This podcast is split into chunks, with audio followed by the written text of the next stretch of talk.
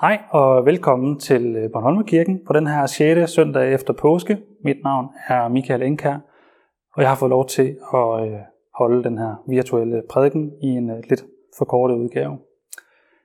Teksten til den her søndag er fra Johannes evangeliet kapitel 17, vers 20-27. Teksten den fortæller om Jesus, der går i forbøn for os.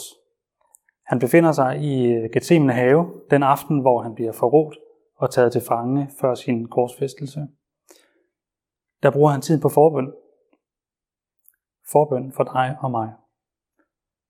Først beder han for øh, sine disciple, og så beder han for alle dem, som kommer til tro på grund af hans disciple. Og det er så nogen som os. Det er den kristne menighed over hele jorden, og det er den kristne menighed her i Bornholmerkirken.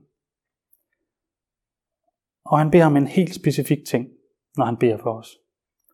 Han beder om, at vi alle må være ét. At vi må være en enhed, et fællesskab, der til alle tider er forbundet i kærlighed. Og han bruger endda en ret ambitiøs sammenligning. Han siger, ligesom faderen, sønnen og helligånden er et. Wow, for en sammenligning. Men det er det, han beder om, at vi må være som menighed. Og hvorfor beder han om, at vi skal være ét? Det gør han for, at verden skal tro. Fordi at verden skal tro, at Jesus er Kristus, og at han er sendt af Gud. Det vil verden komme til at tro på, når verden er vidne til et kristen fællesskab. De som i Bornholmerkirken. Et fællesskab, der lever som en enhed i kærlighed og harmoni. Er det ikke smukt og fantastisk? Så enkelt er det. Det er også derfor, Paulus bruger billedet med, at kirken, menigheden, er Kristi læme her på jorden. Og vi alle sammen er forskellige lemmer på lægemet. Mange forskellige funktioner, men stadig en enhed. Men oplever vi så i praksis, at Bornholmerne bare kigger hen på Bornholmerkirken, hen på vores menighed, og så forstår de, at Jesus er Kristus og er sendt af Gud. Eller hvad? Det er lidt som om kæden hopper af et eller andet sted. Og hvis jeg skal være en lille smule selvkritisk, så kommer der da også nogle spørgsmål frem. For eksempel øh, hjælper jeg med til at forene Kristi læme og skabe enhed imellem os her i Bornholmerkirken. Er jeg god til at øh, opbygge de andre i menigheden? Er jeg virkelig ydmyg over for de andre? Er jeg altid ydmyg over for ledelsen, over for Gud, når jeg samarbejder i teams og projektgrupper? Bidrager jeg til øh, spliddannende diskussioner, eller forsøger jeg at skabe enhed, kærlighed, anerkendelse, overbærenhed? Og fik jeg vist ødelagt glansbilledet af en perfekt menighed. Og måske har jeg også virket en lille smule fordømmende og øh, givet andre end mig selv dårlig samvittighed. Eller hvad? Men prøv at høre en gang. Jesus han kender os. Han ved, hvordan det er at være menneske. Og han ved, hvordan mennesker opfører sig over for hinanden. Og alligevel så elsker han os. Og derfor siger han også, at han er hovedet for menigheden, hans lægeme. Og det er jo hovedet, der tager ansvar for lægemet og får det til at flytte sig. Og han kalder også sig selv for en hovedhjørnesten, som den afgørende sten i byggeri. Jesus omtaler også menigheden som en kirke af levende sten. Så det er ikke min tanke, at vi skal slå hinanden i hovedet med dårlig samvittighed over vores øh, utilstrækkelighed i forhold til Guds ideal for menigheden. Tværtimod, så vil jeg forsøge at opmuntre til, at vi bliver en enhed her i Bornholmerkirken.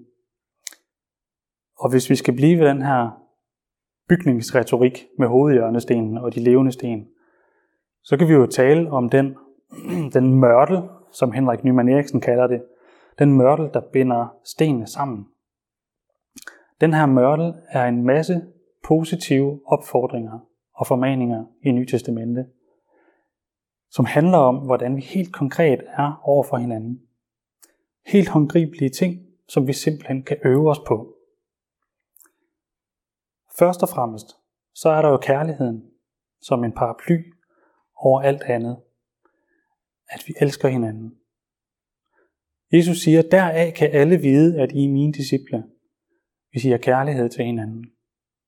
Det er simpelthen et tegn for resten af verden, ligesom når vi lever i enhed. Fordi så vidner vi om Kristus. Og hvis vi alle sammen var fuldkommende kristne og var 100% uselviske og havde fuldkommen kærlighed over for hinanden, så var det slet ikke nødvendigt at nævne flere ting. Men når vi nu ikke er fuldkommende kærlige mennesker, så kommer der lige nogle lidt mere konkrete formaninger fra Nytestamentet, som vi kan øve os på. At vi holder fred med hinanden. At vi lader være med at dømme hinanden. At vi øh, vejleder hinanden. At vi venter på hinanden. Omsorg for hinanden. At vi tjener hinanden og lader være med at misunde hinanden. At vi taler sandhed. Bærer over med hinanden. Gode mod hinanden. At vi underordner os hinanden. Formaner hinanden. Trøster. Lad være med at bagtale. Vi gæstfri. Vær ydmyg over for hinanden og have fællesskab med hinanden. Det lyder jo ikke som særlig svære ting at gøre. Og det behøver ikke engang at koste nogen penge. Men det føles bare lidt besværligt at gøre de her ting nogle gange. Hjemme hos mig, og hjemme hos os i min familie, når min kone Tanja eller jeg har fødselsdag, så oplever vi ofte nogle af de her meget konkrete ting, eller den her adfærd, som der opfordres til gennem det nye testamente. Når jeg for eksempel har fødselsdag, så oplever jeg i hvert fald, at de andre i familien, de øh, de underordner sig mine ønsker. Jeg får lov at bestemme lidt mere end normalt. Ikke fordi jeg får lov til at bestemme så meget normalt, men jeg får lov til at bestemme lidt mere, når jeg har fødselsdag.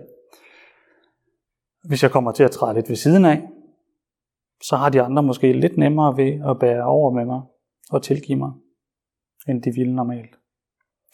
Jeg oplever også, at både Tanja og børnene de er ekstra motiveret for at tjene mig og for at hjælpe til.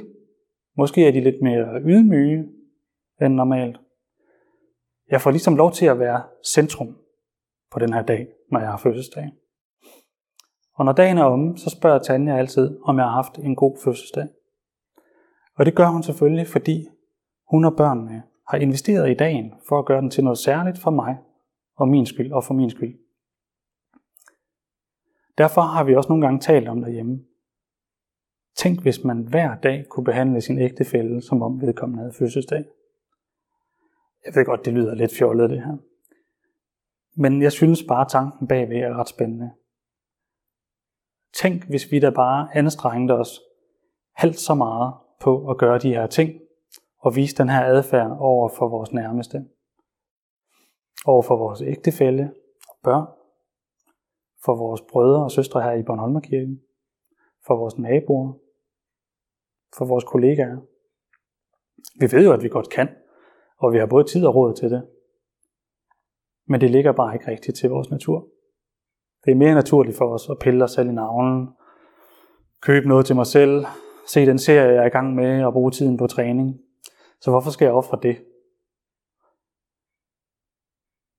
Men hvis jeg nu i stedet for at fokusere på min egen offring, så fokuserer lidt mere på, hvad det gør ved mine nærmeste, og mine venner og min menighed osv.